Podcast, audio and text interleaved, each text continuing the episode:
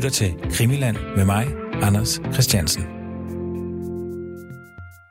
Det er helt fuldstændig crazy. Han spiste 500 kroner Stop. Nej, nej, nej, nej. Han gjorde det. Spiste, han spiste 500 kroner Manden, der fortæller om den 500 kroner spisende svensker, hedder Christian Kirkmuff. Christian han tager os en tur ned i den svenske underverden og tilbage op igen. Men pludselig ser Sverige noget anderledes ud. Svensk politi var på mornatten i færd med at overvåge en mand, der hedder Sigge Sedergren. Sigge Sedergren han blev afhørt et utal af gange efter mordet på Palme. Og på mornatten, der var hans øh, telefon faktisk aflyttet. Det var fordi han var narkohandler. Men øh, hvordan bliver det kriminelle Sverige flettet ind i mordet på Olof Palme? Det har Christian Kirkmuff et bud på. Det blev en total förvirring här. Är det verkligen Olof Palme som är skjuten? Ja, det är det. Och han är död? Ja, Eller han är inte dödförklarad, men... han är inte dödförklarad. Hvordan skal jeg præsentere dig? Altså, jeg har kun arbejdet som journalist de sidste 4-5 år. Øh, så med journalist, det er det, jeg er nu. Altså, tidligere har jeg lavet alt muligt. Jeg har været producer på Danmarks Radio, og jeg har lavet Hitman-spillet i sin tid, og har lavet en masse brætspil, og har arbejdet for IBM i en årrække, og så har jeg været privat konsulent, og så begyndte jeg at arbejde som journalist for fem år siden. Okay. Og, øh, og hvad er dit forhold til, til Palme og Sverige? Det er en efterforskning, jeg har lavet, som var relateret sig til IT Factory. Øhm, og, og det gjorde, at jeg var nødt til at forstå en masse ting omkring Sverige og, og det svenske samfund og deres, deres kriminelle underverden. Øhm, og, øh, og da jeg gjorde det, så var det bare sådan et, altså det var, det var sådan et helt kontinent, øh, der åbnede sig. Øhm, og det har jeg bare været vildt interesseret i siden, og, og det leder ret hurtigt hen, eller jeg forstod pludselig en masse ting, synes jeg, i det svenske samfund.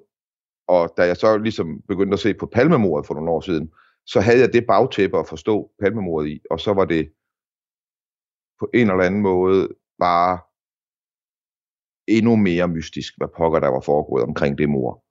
Og, og billedet af de muligheder, der var for, øh, hvem der kunne have motiv og lyst og evne til at slå Palme ihjel, de blev meget, meget større. Og, og, øh, og på den, samtidig med at de blev mere fantastiske, blev de også meget realistiske, fordi de ting, jeg oplevede som vildt fantastiske, de var samtidig veldokumenteret. Øhm, så altså, så brugte jeg lige på et tidspunkt seks måneder, mm, da jeg nat på at læse mig ind i Palme og læse alt, jeg kunne finde, og afhøringsprotokoller og hvad ved jeg. Øhm, og endte med at, i forhold til palmemordet, at stå tilbage med endnu, med endnu flere gode forklaringer på, hvem der kunne have slået ham ihjel, end da jeg først gik i gang med det. I, øh, i, i den her programrække, jeg har lavet, der har vi jo snakket meget om politiet og SAPO og CIA og Sydafrika og, og forskellige ting. Ja, det er sådan det, det, det, det institutionelle spor, Ja. kan du sige. Ja, og hvad er det, hvad er det sådan, at, at, at du så kan se, øh, ud fra at du egentlig har startet med at fokusere på sådan det kriminelle Sverige? At trådene mellem det kriminelle Sverige og det institutionelle øh, gråzone Sverige, altså de hemmelige tjenester osv., øh, er mangfoldige og er, øh, er bagtæppet, som mordet på Palme spiller sig ud på. Øh, altså der er nogle, øh, der sker nogle ting op igennem 70'erne i det svenske samfund og 80'erne, som, øh, som knytter øh, toppen af det svenske institutionelle liv, militær, politik, øh, øh, forvaltning, øh, øh, adel, de rigeste mennesker, øh, og som knytter dem sammen med den kriminelle underverden øh, omkring nogle fælles hemmeligheder og fælles viden, de ligesom sidder inde med. Og, og, og det gør, at der sidder nogle kriminelle i Sverige, som har meget, meget, meget øh, belastende oplysninger om øh, toppen af det svenske samfund. Jeg tænker, at vi kunne starte med, for det er et sted, hvor, de, hvor, hvor det du har beskæftiget dig med, og det jeg beskæftiger mig med, øh, i hvert fald krydser meget sådan øh, konkret, det er, at øh, jeg kan se, at det svenske øh, politi i flere omgange har, i forbindelse med palmemordet selvfølgelig, har, har afhørt en, der hedder Sigge Sedergren. Ja. Og ham har vi ikke snakket så meget om i, øh, i, i programmet. Men han, han er ude at køre øh, øh, på, på mortidspunktet, og han, øh, det er faktisk sådan, at politiet i forvejen aflytter hans telefon. Så, ja, man, så han, er, han, er, han er hjemme op til 11, og så er han væk i 40 minutter eller sådan noget, eller ja. 50 minutter, og så er han tilbage igen. Ja, og han, han, han siger selv, at han faktisk øh, er på vej ned af den Lundmark, Lundmarktergade, øh, som er parallelgaden til Sværvæggen, øh, ja. og som er hvor bagindgangen til Skandiahus er. Men han bliver blokeret af, han kører altså imod ensretningen, ja. og, og hans vej bliver blokeret af en, af en Volvo, så han kan ikke øh, køre igennem, og han står der og, eller holder der i bilen og, og venter, og så tror jeg, at han så kan komme til at køre igen, så øh, hører han så skuddene. Det er sådan mm. hans øh, forklaring. Og, jeg, og så vidt jeg kan se, at politiet også gået væk fra sådan at tro, at han skulle være indblandet sådan, øh, i, i mordet. I hvert fald, at han skulle have gjort, gjort det. Ikke? Ja, men han var jo... Altså, man, man havde jo en teori om, at han var indblandet omkring mor, morvåbnet. Ja. Øh, som, som Christer Petersen skulle have brugt. Altså han er jo ligesom også knyttet sammen til Christer Petersons sporet. Ja. Øh, fordi Christer Petersen kom på den øh, spilleklub, som øh, Sigge Sedergren drev, der hed Oksen. Ja. Øh, og øh, så der kendte de, der kendte øh, øh, Christer Petersen og, og Sigge Sedergren hinanden fra, og Christer Petersen var sådan en stikkerand-dreng for Sigge Sedergren, som du ved, hvis han kunne få lidt, øh, lidt drugs, så, så løb han ærner for Sigge Sedergren. For Sigge Sedergren, han solgte, udover at han havde spilleklubben, så var han øh, drug dealer i, ja. øh, i Stockholm. Okay. Og det var sådan, at der har været masser af reportager, eller rapporter om, at vidner på mornatten øh, så folk med walkie-talkies øh, omkring morpladsen. Og det er fordi, at Sigge Sedergrens lejlighed og spilklubben Oxen, det ligger ikke så langt fra, altså vi er jo i Indre By i Stockholm, og der var der simpelthen, altså der var, udover der var telefonaflytninger på Sigge Sedergren den aften, så var der, jeg tror det var fem eller seks betjente, der ligesom lavede fysisk overvågning, som sad i biler, og der sad en inde på politigården, og der var nogen, der gik rundt i gaderne for at overvåge Sigge Sedergren. Så det var en, øh, der blev brugt ret mange ressourcer på Sigge Sedergren på det her tidspunkt. Mm. Øh, og og det, det, det førte jo til, at de her, altså der, der kom alle de her rapporter om vidner, der har set folk med, med walkie-talkies og så videre i, i tiden omkring mordet. Ja, ja så, så, så det, det, det, du er overbevist om, det er en, en, altså ikke en, en del af en eller anden konspiration mod Palme, men altså, mere jeg, jeg, jeg, jeg har ikke noget tal på, hvor mange der løber rundt med, med walkie-talkies i Stockholm den aften, men flere af dem er i hvert fald øh, kan retfærdiggøres med overvågningen af Sigge Sedergren.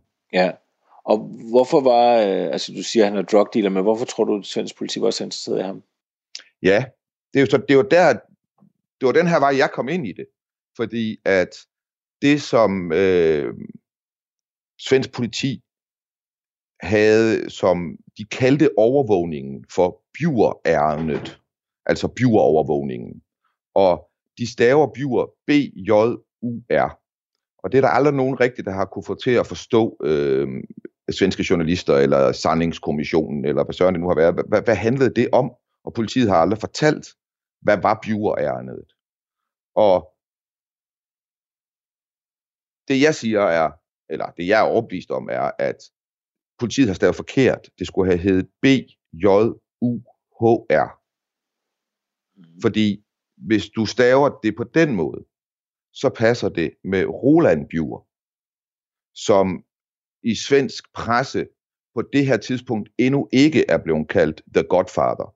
Men det vil han blive lige om, om nogle få år, øh, fordi at der vil det blive klart, at det er ham, der har overtaget positionen som lederen af den svenske underverden, hvis man kan sige det. I hvert fald for en stor del lederen af den del, der har med, øh, med øh, økonomisk kriminalitet at gøre, og ifølge samtidige journalister også har med kokainhandel at gøre. Han skulle være lederen af kokainhandlen i Sverige på det her tidspunkt.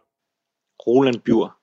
Ja, nu er vi jo i øh, en jurier-verdenen, ikke? Men, men det står at læse i øh, en bog, som hedder Papirstierne, som udkom øh, sidst i 80'erne i Sverige, og hvor øh, forfatterne måtte gå under jorden i et godt, altså i lang tid efter bogen, eller lige før bogen udkom, og, og efter, fordi at de udpegede Roland Bjur som lederen af kokain øh, handlen i Sverige. Og i 89, der bliver Roland Bjur anholdt. Og på det tidspunkt bliver det klart, at politiet har brugt kæmpe ressourcer i mega lang tid. Altså vi snakker overvis overvågning øh, af, af Roland Bjur. Så det passer jo med, at, han, at du ved, at Bjur ærnet tilbage på mornatten har været en del af den efterforskning, der fører til, at de napper ham i 89. Og der snakker politiet, øh, det svenske politi, om noget, de kalder Bjurkartellet. Og Bjurkartellet, det er det kriminelle netværk i Sverige, som Roland Bjur på det her tidspunkt ligesom administrerer. Mm. Og, og det er kæmpe, kæmpe stort, og det er meget internationalt også. Ja, øh, hvordan og, internationalt? Og, altså hvor, hvorhen, hvor, hvorhen? Altså i, på, i hans Rolodex, altså det, før man ligesom har en øh, telefonliste på sin mobiltelefon tilbage i 80'erne, så havde øh, folk på deres øh, øh, øh, kontorbord, der havde de et, øh, et, det, der hed Rolodex, som var sådan et arkiv af telefonnumre og navne på folk, så man lynhurtigt kunne finde telefonnummerne på de folk, man havde business med. Og der skulle han angiveligt i hans Rolodex have haft øh, altså advokater fra Vatikanstaten og bulgarske, øh, hvad hedder det, øh, bulgarske ambassadefolk, både i, øh, i Sverige, men også i andre lande, og altså du ved, øh, regerings, øh, topregeringsfolk i Irak, og så videre, og så videre, og så videre. Øh, men også øh, i Sverige, øh, højtstående folk i alle mulige dele af den svenske, det svenske samfund. Prøv lige at for, forklare mig, øh, hvor, hvorfor øh, nævner du Irak? Fordi det var, øh, det, det var det, der angiveligt var på hans Rolodex.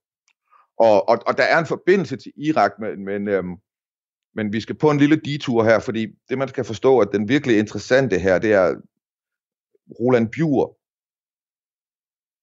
da han ligesom bliver lederen af den svenske underverden, der gør han det, fordi at i 85, der dør en, der dør forgængeren som leder, øh, øh, en fyr, der blev kaldt Mr. X i øh, svenske medier, og øh, som Roland Bjur var bodyguard for, angiveligt. Øh, eller det, det, ja, det var han ifølge de kilder, jeg kan finde. Øh, og Mr. X, han sad inde med viden om hele det svenske samfunds top. Dem i den svenske samfunds top, som gik til prostituerede. Det kendte han til. Og han vidste, hvad de gerne ville have, når de gik til de prostituerede. Og grunden til, at han vidste det, det var, at hans gode veninde, Doris Hub, hun drev i 60'erne og 70'erne et bordel, som ligesom servicerede toppen af det svenske samfund. Og hun brugte tit og ofte lejligheder, som Mr. X ejede. Og de var, de var venner fra, fra ungdommen. Og det blev, et, øh, det blev der ret store problemer med.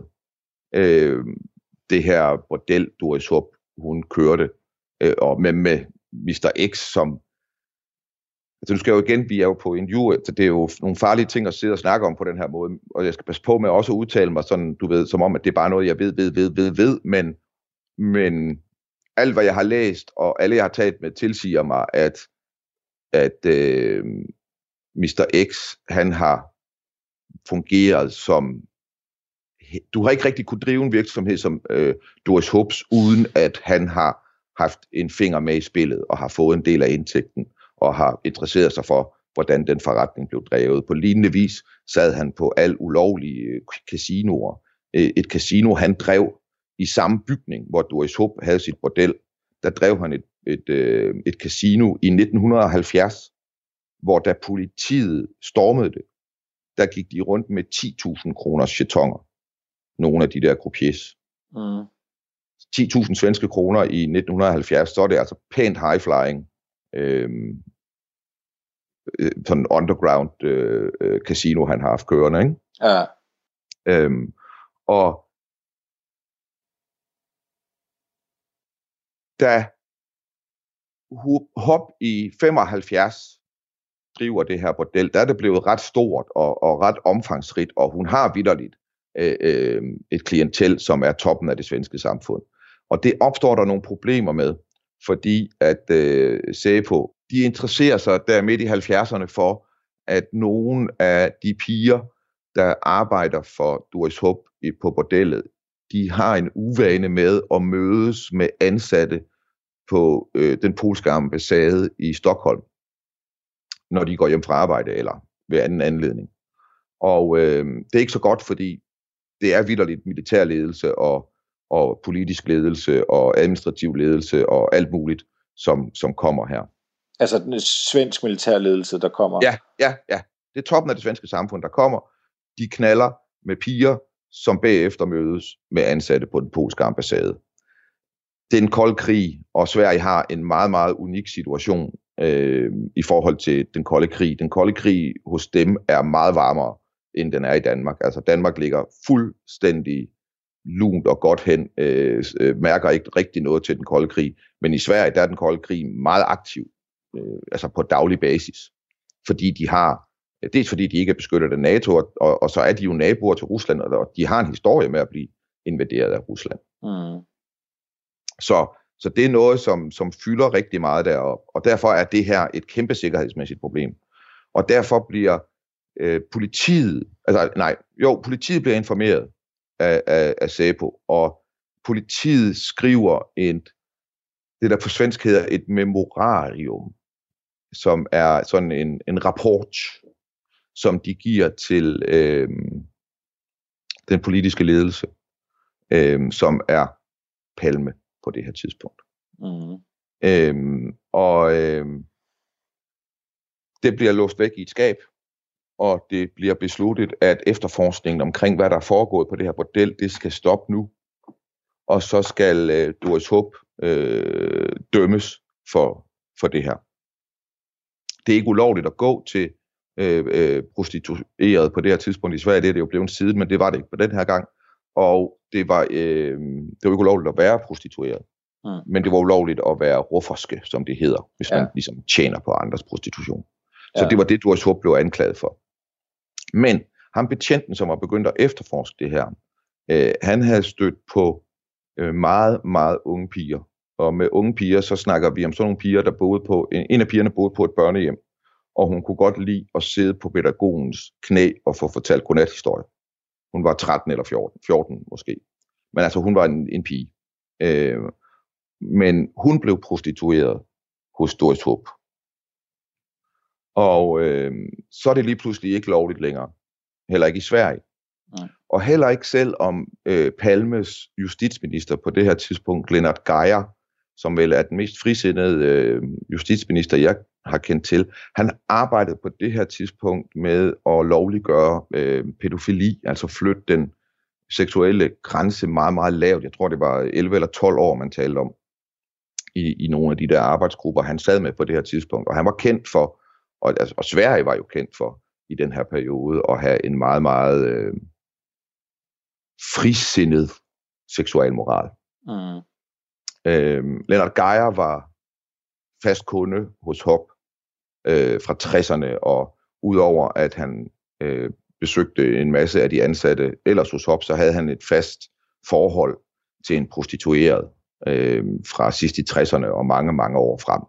Altså Sveriges øh, justitsminister?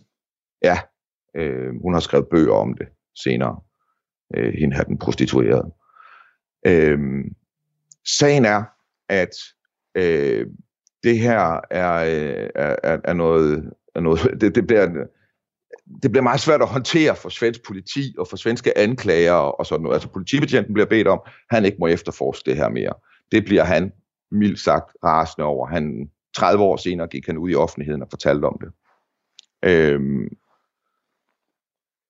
og det giver, øh, øh altså anklageren i sagen sygemelder sig Øh, øh, altså det, det, retsforløbet omkring den dom, Hop får to og et halvt år, mener jeg, hun får til sidst, øh, er fuldstændig absurd og fortæller, at her har systemet fået så varm en kartoffel, kartoffel, så der simpelthen ikke er nogen, der vil røre ved den. Altså, statsanklageren meldte sig syg, jeg tror i seks måneder, fordi han ikke vil have sagen. Øhm, det var meget grimt. Og det, Mhm. blev, det blev grimmere endnu, fordi at øhm, det bliver lækket til pressen. Og øh, jeg mener, at det er en journalist på Dagens Nyheder, som får øh, øh, oplysninger omkring det her memorarium, og hvad der står der. Og det skriver han. Og sk- skriver simpelthen sådan her. Øh, øh, der er det her bordel, og de her folk skulle angiveligt være gået derhen, og, øh, og, øh, og der skulle være alt muligt øh, sikkerhedsmæssigt omkring det. Han skriver ikke om, om mistanken om pædofile, pædofile forhold, men, men det sikkerhedsmæssige aspekt, mm. som jeg husker det. Og øh, det er jo en skandale. Altså, af rang, det her i det svenske samfund. Det er virkelig, virkelig noget, der bliver... Øh, altså det, det, det er en mediebombe, da han skriver det her. Ja. Og hele staten går i gang. Altså hele apparaturet ruller ud. Og, øh, og øh, han bliver stemplet som løgner. Og der er også to sådan, øh, øh, faktuelle fejl i det, han skriver, som er sådan noget, den, en dato, der er en uge forkert, og et navn, øh, som er stavet forkert, eller sådan, du ved, altså der er sådan to små fejl, og det hænger de ligesom al kritikken op på, det er bevisligt fejl i den artikel, øh, lyder den ensidige kritik, og alle andre medier tager afstand, dagens nyheder ender med at øh, trække det hele tilbage igen, og øh, Palme går på øh, talerstolen i landstinget og lyver, det ved man nu, det vidste man jo så ikke dengang, han siger, der er ikke noget om det, det hele er løgn, alt passer ikke, det er bare ond sladder. Mm. Men det var sandt. Det går 15 år innan hemligstämpeln på Carl Perssons promemoria hävs och först nu offentliggörs de namn som förekommit i polisens spaningar. Det blir det slutliga motbeviset av Olof Palmes attack på Dagens Nyheter. Se, ham der lækkede den historie, han arbejdede for politichefen. Og han er siden blevet meget, meget kendt, men det førte til, at han i nogle år overvejede, så han så godt fortalte om, at han, han blev fyret, han blev persona non grata, øh, øh, fordi det blev afsløret, journalisten afslørede, eller journalisten, der skrev artiklen, kom til over for Jan, Jan Chilou, den kendte forfatter i Sverige. Ja, ham med Lok- Hamilton, ham med Hamilton-bøgerne. Ja, nemlig, nemlig. Ja. Han lokkede hans kollega til at afsløre, hvem kilden var. Og så skrev Jan Gilude i avisen, at det var ham her, der var kilden til den her historie, som så ikke var sand. Og så havde Leif G.V. Persson, den store svenske kriminolog, professor i kriminologi, øh, hvad hedder det, vært på et af de største tv-programmer i Sverige, Veckans Brot, og forfatter til de største bestseller i Sverige i de sidste 20-30 år.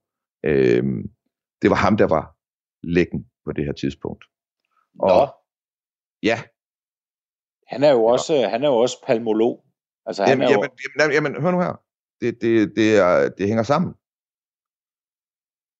Han er nemlig rigtig palmolog, og han har virkelig mange øh, hvad hedder det, øh, øh, teorier omkring det her. Og, og, og det er værd at lytte på. Øh, men det er også værd lige at tjekke, hvem han er i det her spil. Og, og, øh, og hvor det er, han gerne vil have publikum kigger hen. Pointen er, at han er på det her tidspunkt, øh, jeg, åh, jeg, altså lige detaljerne i alle de her ting er jo på sin vis vigtige, men lige når jeg sidder nu, så har jeg dem altså ikke foran mig. nej, Men omkring 76 bliver han sendt ud i kulden på grund af det her, som på svensk, hvis nogen skulle have lyst til at, at google det, både hedder Bordelharvan, hervan, eller hvad man nu siger på svensk, og Geyer-affæren, øh, opkaldt efter Lennart Geyer, øh, justitsministeren. Og øh, Leif G.V. Persson har siden fortalt ikke særlig meget, men han har fortalt få, få steder øh, om, hvordan at mens han er kastet ud i kulden som værende upålidelig og alt muligt, og det er han i en del år. Altså, Det tror jeg, han er i 10 år efter det her. Før det vender i hans liv igen. Og han, bliver, han er jo en af de mest populære svenskere i dag. Men i 10 år er han ligesom ude i kulden. Og i den periode, der bliver han bedste venner med Mr. X.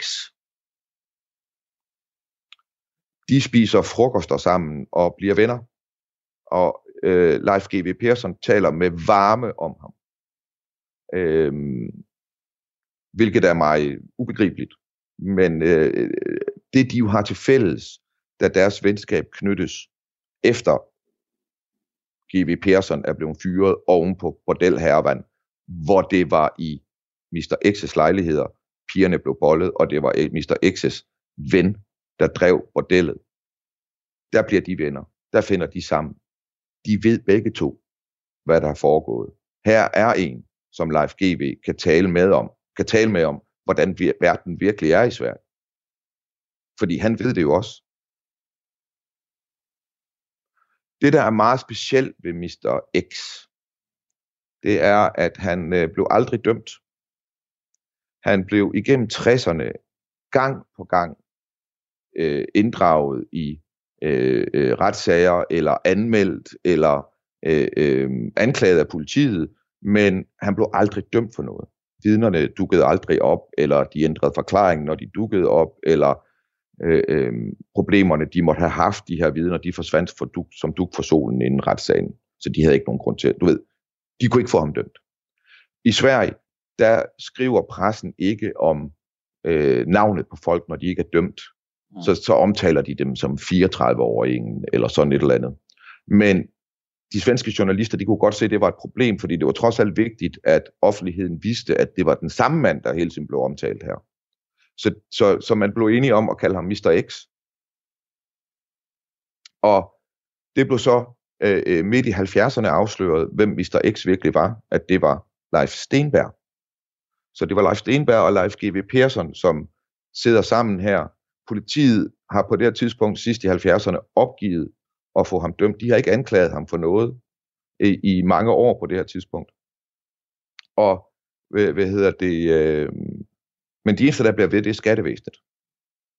Skattevæsenet, der blev ved. Øh, øh, Mr. X, han flygter faktisk til København og bor i en periode. Han flytter også, flygter også til Spanien, fordi han vil væk fra skattevæsenet sidst i 70'erne og start 80'erne.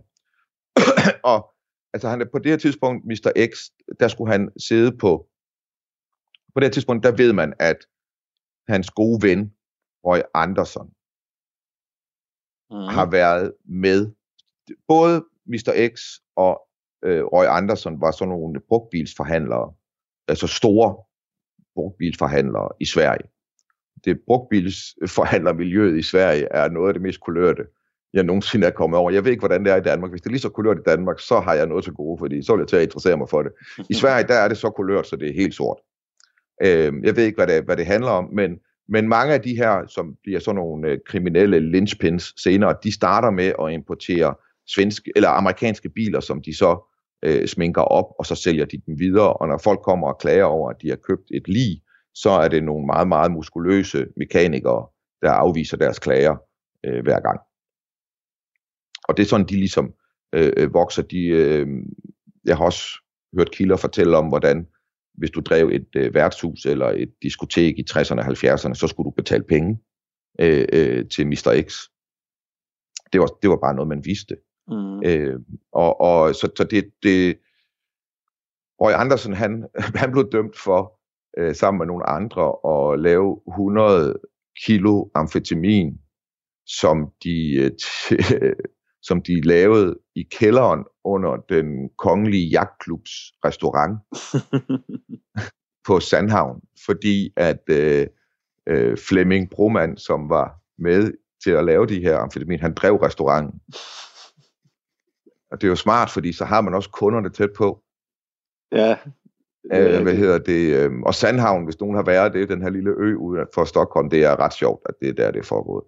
Øh, øh, men det er bare for at sige, at, at det er øh, det er jo pænt mærkeligt, synes jeg.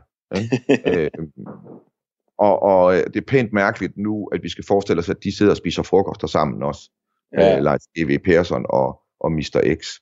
Nå, men Mr. X han kommer tilbage igen til Sverige i starten af 80'erne. På det her tidspunkt, altså, han er legendarisk for, hvor meget han spiser og drikker, Mr. X.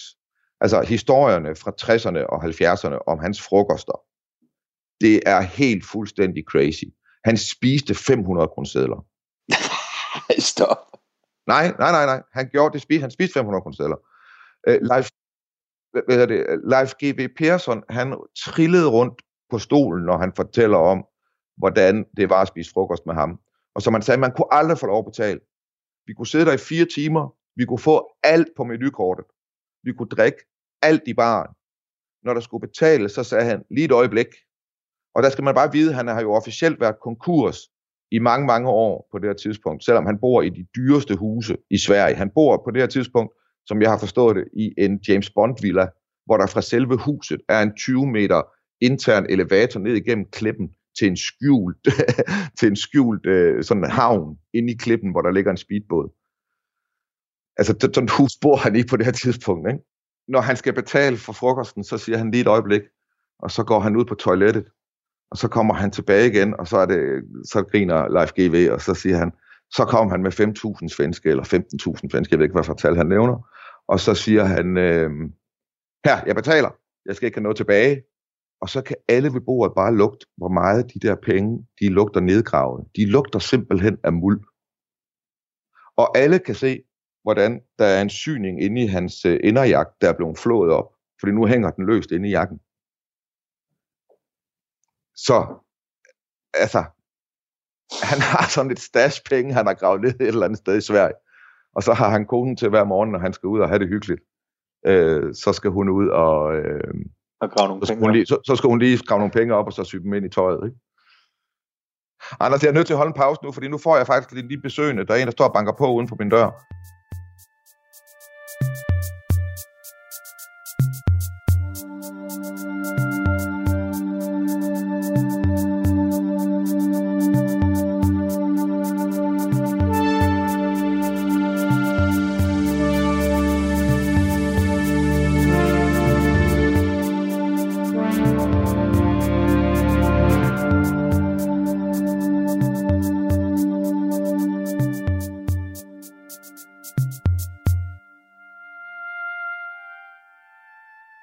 Politiet havde opgivet ham, men skattevæsenet fortsatte deres jagt på ham her, på det her tidspunkt, hvor han er venner med Leif GV, fordi de deler den her viden om, om øh, den svenske magtelites brug af det her bordel. Ja, ja. Øh, og, men altså, Mr. X her var på det her tidspunkt jo så også øh, officielt konkurs, og han havde i 1970, det synes jeg bare skal nævnes, fordi jeg synes, det er sjovt, der havde han i konkursretten, der opgav han, at øh, det eneste, han ejede, var øh, 300, 300 habiter, øh, fordi det kan, de kan ikke beslaglægge tøj, det vidste han godt.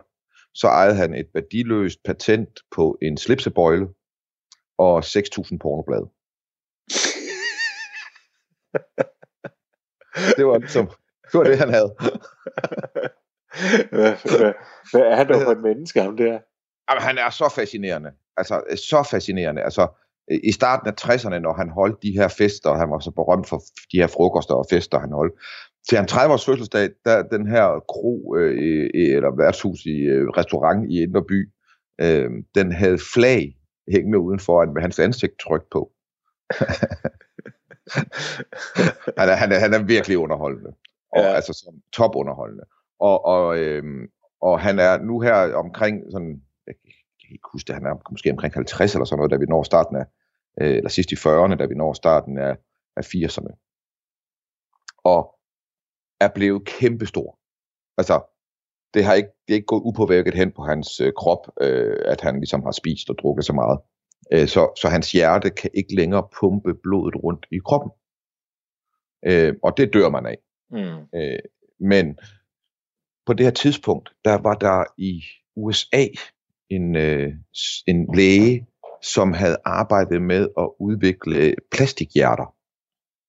Og øh, det hed Jarvik-hjerte, øh, og, og øh, der var tre patienter i USA, som havde fået sådan et, øh, et plastikhjerte ind. Altså man tager simpelthen det svage hjerte ud, og jeg ved ikke, om man smider det væk, eller hvad pokker man gør ved det, men det er ligesom ikke længere brugbart. Og så sætter man et, øh, et plastikhjerte ind, som så er forbundet til sådan en maskine på størrelse med en vaskemaskine, der står ved siden af sengen, og som ligesom har energien til at pumpe rundt her. Og, øh, og det var der tre mennesker, der havde fået i USA, og, og øh, ligesom havde overlevet i hvert fald i et stykke tid. Øh, og i 1984-85, der meddeler Karolinska Instituttet, at nu vil de som det første land uden for USA og det fjerde i verden, så vil de placere et Jarvik 7 hjerte i en patient. Og øh, det gør de i en meget omtalt, øh, berømmet øh, 17 timers operation. Jeg kan faktisk huske det. Det blev var i tv-avisen øh, i Danmark. Øh, Karolinska Instituttet har sat et kunstigt hjerte ind i en mand. Øh, og øh, det var vellykket. Og han kom så hurtigt. Og øh, de svenske journalister havde på det her tidspunkt godt luret her, det her det var lidt skørt, men de skrev ikke rigtigt om det. Men på et tidspunkt der begyndte de at spørge hospitalspersonalet, om det virkelig kunne være sandt, at det var Mr. X, der havde fået det her hjerte. Mm. Og, og det førte til, at der kom et pressemøde, hvor Mr. X var med, og han var så den første af patienterne, som så øh, af de fire, der nu var, som havde fået den nye udvikling, som var sådan en, en sportstaske, han kunne have, øh, øh, han kunne bære over skulderen, som så havde en bærbar version af, af vaskemaskinen, øh, så han ligesom kunne være mobil i op til tre timer ad gangen. Og så sad han så på det her pressemøde og fortalte, at han havde det bedre end nogensinde, og øh, at han da sammen med hans advokat havde haft tid til at kigge lidt på lovgivningen, og øh, han regnede med, at de skattesager, der måtte køre imod ham, og så vil han godt lige sige tak til det offentlige sundhedssystem for den her operation for Men de skattesager, der kørte mod ham, dem regnede han med nu vil blive frafaldet, fordi ifølge svensk lov, så var man død, når man ikke havde et hjerte, der slog længere. Og øh, han havde ikke et hjerte, der slog længere. Øh, så altså, hvis han var klar over det her trick tidligere, så har han da fået det her hjerte for mange år siden.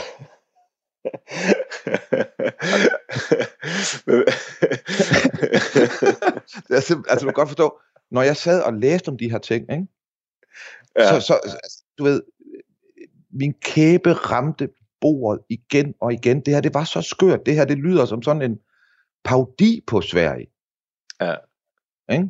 Hvorfor er det, hvorfor er det måske den største skatteforbryder, og i det hele taget forbryder i landet, som får den dyreste, mest avancerede operation, landet nogensinde har budt nogen. Ja. Altså hvorfor? Hvorfor? Kan det være fordi, at han er en af dem, der sidder med en masse viden? Se, det var jo sådan en konklusion, man hurtigt kunne komme til, og så skal man jo altid kigge lidt videre, og jeg kiggede videre. Og så opstod der en anden version af, hvorfor fik han det der hjerte.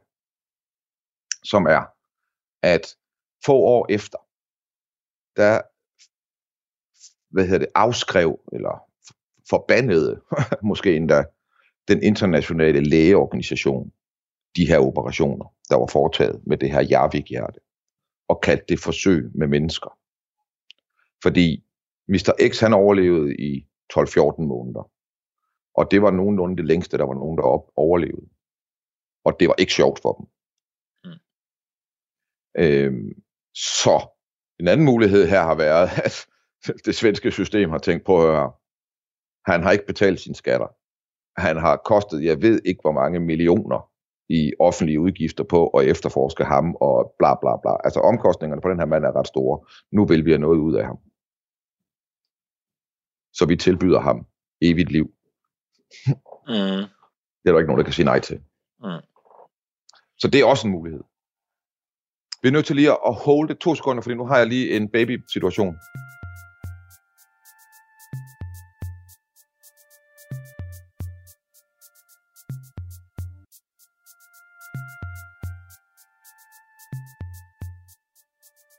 Men vi skal jo på et tidspunkt videre for Mr. X her, ikke? Nå ja, men så Mr. X stod i 85. Ja. Øh, og øh, til begravelsen, hvor der har, den Life G. V. Pearson har beskrevet den øh, begravelse som den største gangster begravelse, der nogensinde har været holdt i Nord. Øh, altså alle skulle have været der, og altså, hvad hedder det, civilbetjente overalt, og alle inden for svensk skyggeverden og officielle verden nærmest skulle have været der. Mm. Og så er det så, at Roland Bjur tager over. Og politiet efterforsker ham i, 5, i 7, i 87 øh, og 86-87. Og det er derved, at de sidder nede foran Sigge Sedergren på mornatten. Ja. Se, hvis man skal prøve at forstå nogle af de andre spor, du har taget op her, så skal man prøve at forstå Sverige og Sveriges situation på det her tidspunkt. Også udenrigspolitisk, sikkerhedspolitisk ikke mindst. Ham, som er kontraspionagechef, da bordel-sagen kører, det er en fyr, der hedder Olof Fronstadt eller sådan noget. Ham er jeg stødt på. Olof Fronstedt. Ja, Ja. han er vigtig, øh, øh, fordi han er kontraspionagechef på det her tidspunkt i Sverige. Og det vil sige, det er ham, det er hans afdeling, som har opdaget det her med Doris Hup og bordellet og de polske piger. Eller de polske kontakt mellem med pigerne der, ikke? Ja. Og et, altså i hvert fald et muligt scenarie omkring Palmemord, det er, at det her det er et militært, sikkerhedspolitisk udført drab. Hvor det behøver sikkert være en svensker, der har gjort det, men for eksempel Sydafrikas spor kan godt være udført med svenske medhjælpere i militæret eller i hemmelige tjenester.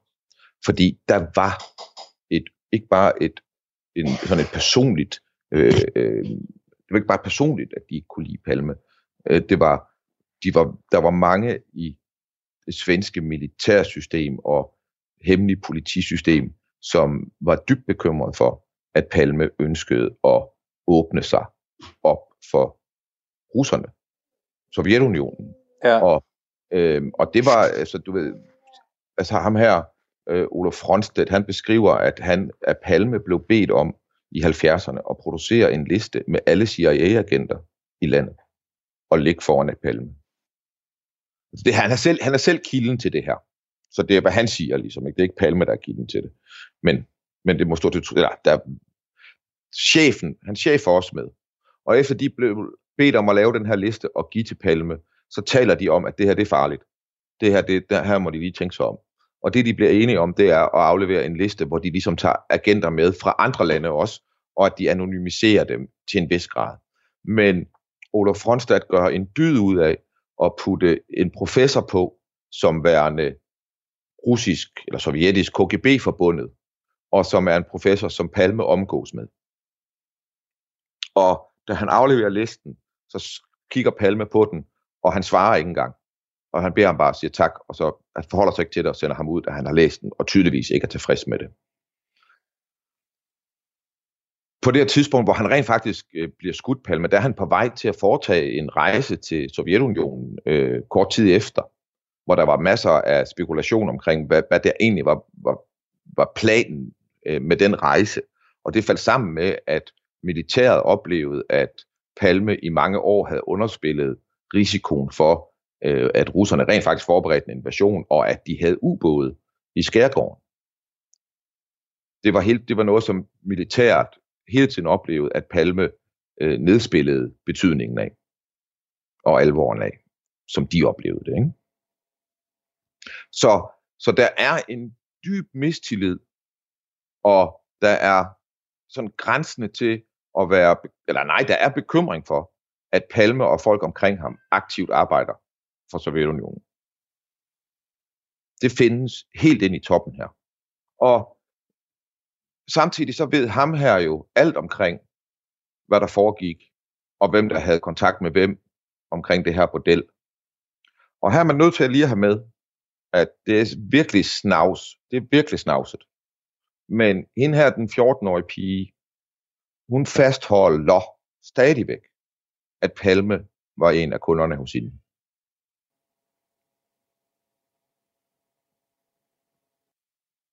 Betjenten kan jeg ikke huske, om han også bekræfter Palme, men han afviser i hvert fald ikke Palme. Jeg ved ikke, hvad der er sandt og falsk her, men jeg ved bare, hvad, hvad, hvad de har hævdet. Ikke?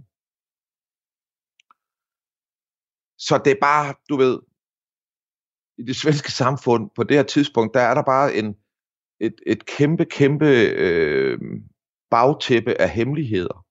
Altså, som, man, som det er svært at forstå. Det er jo svært at forstå, at Sverige var et land, som i praksis, men ikke officielt, havde øh, berufsverbot, ligesom man havde det i Tyskland, øh, hvor, hvor hvis du var kommunist eller meget venstreorienteret, så var der en masse stillinger i det offentlige, du ikke kunne få, fordi man var bekymret for, hvor din loyalitet virkelig lå, lå den hos, hos kommunisterne øh, i, i, øh, i øst, eller var den hos demokratierne i vest. Øh, og det havde man jo i Sverige i hemmelighed.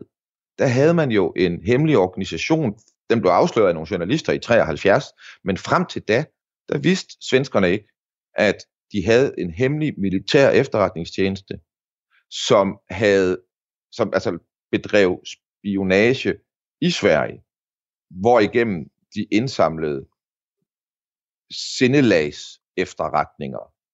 De efterretninger, de endte hos SEPO i deres centralarkiv, som lå til grund for, hvilke jobs du kunne få inden for alt muligt i kommuner, amter og stat.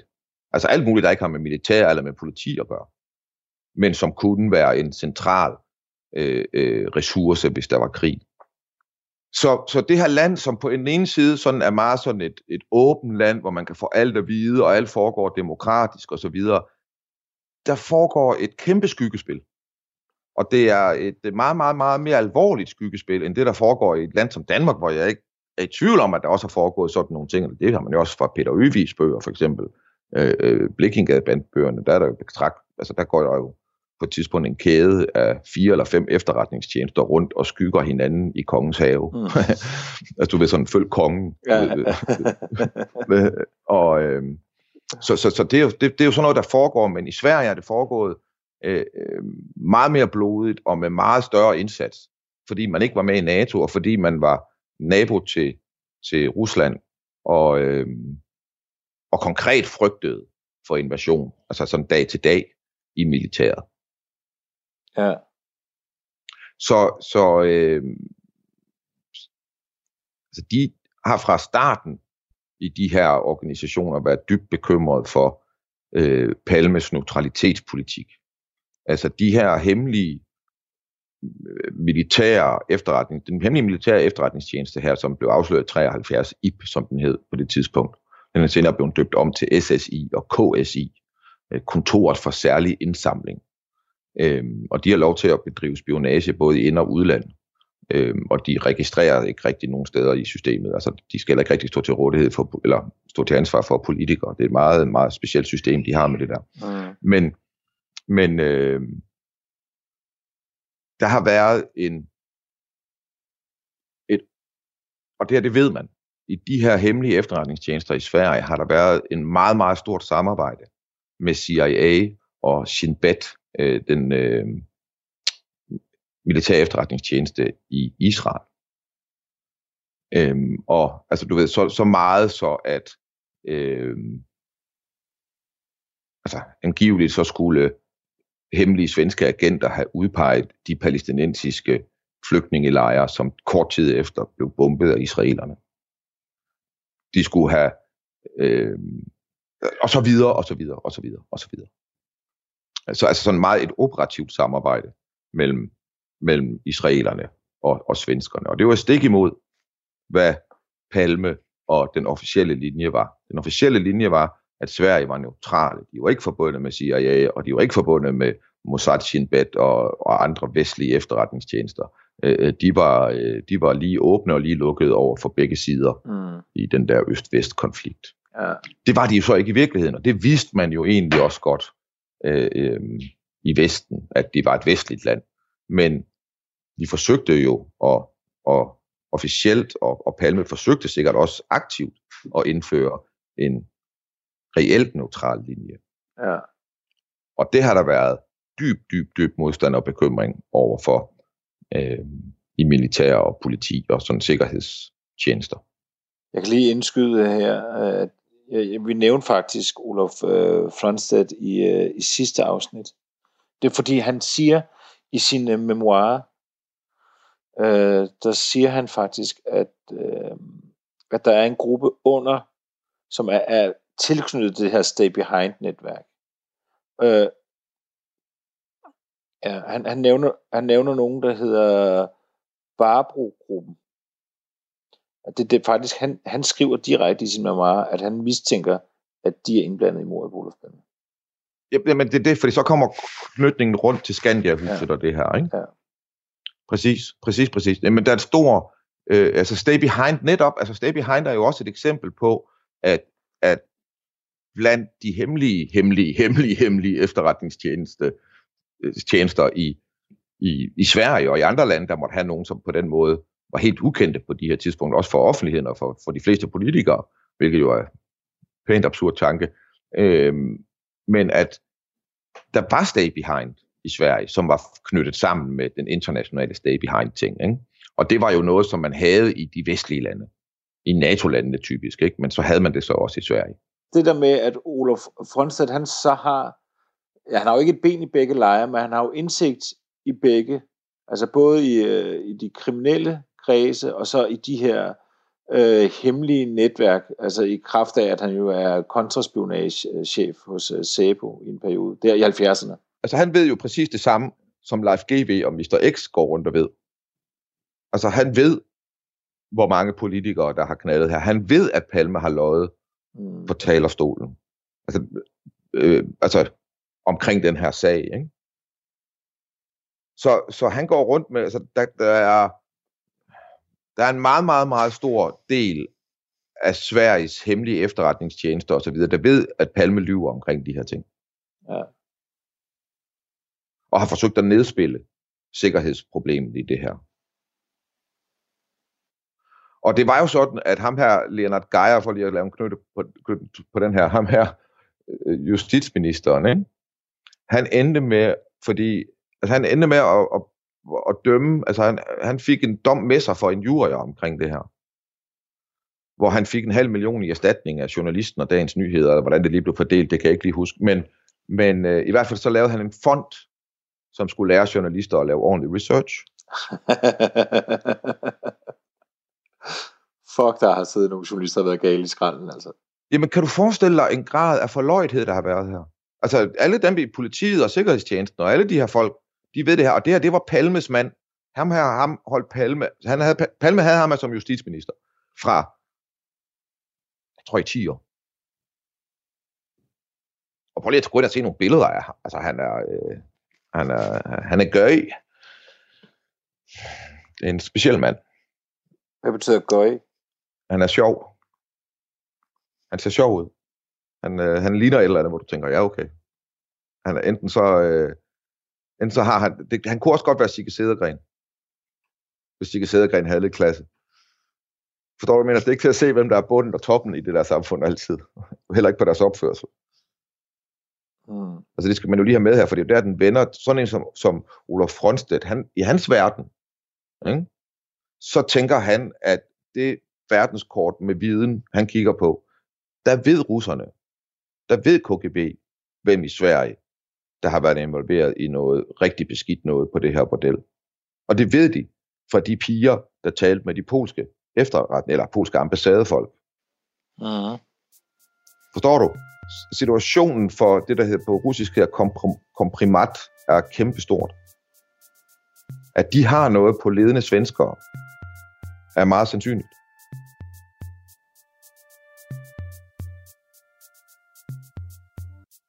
Der er mere med Christian Kirk Muff og den svenske underverden i næste afsnit af Krimiland. Jeg vil stadig huske på, at man kan diskutere og spørge og forundres over palmemordet i Krimilands Facebook-gruppe, der bare hedder Krimiland-Radio 4. Og det her afsnit, det er jo endnu engang optaget under coronaforhold, som vi kalder det. Det vil sige, at det er lavet her i mit soveværelse.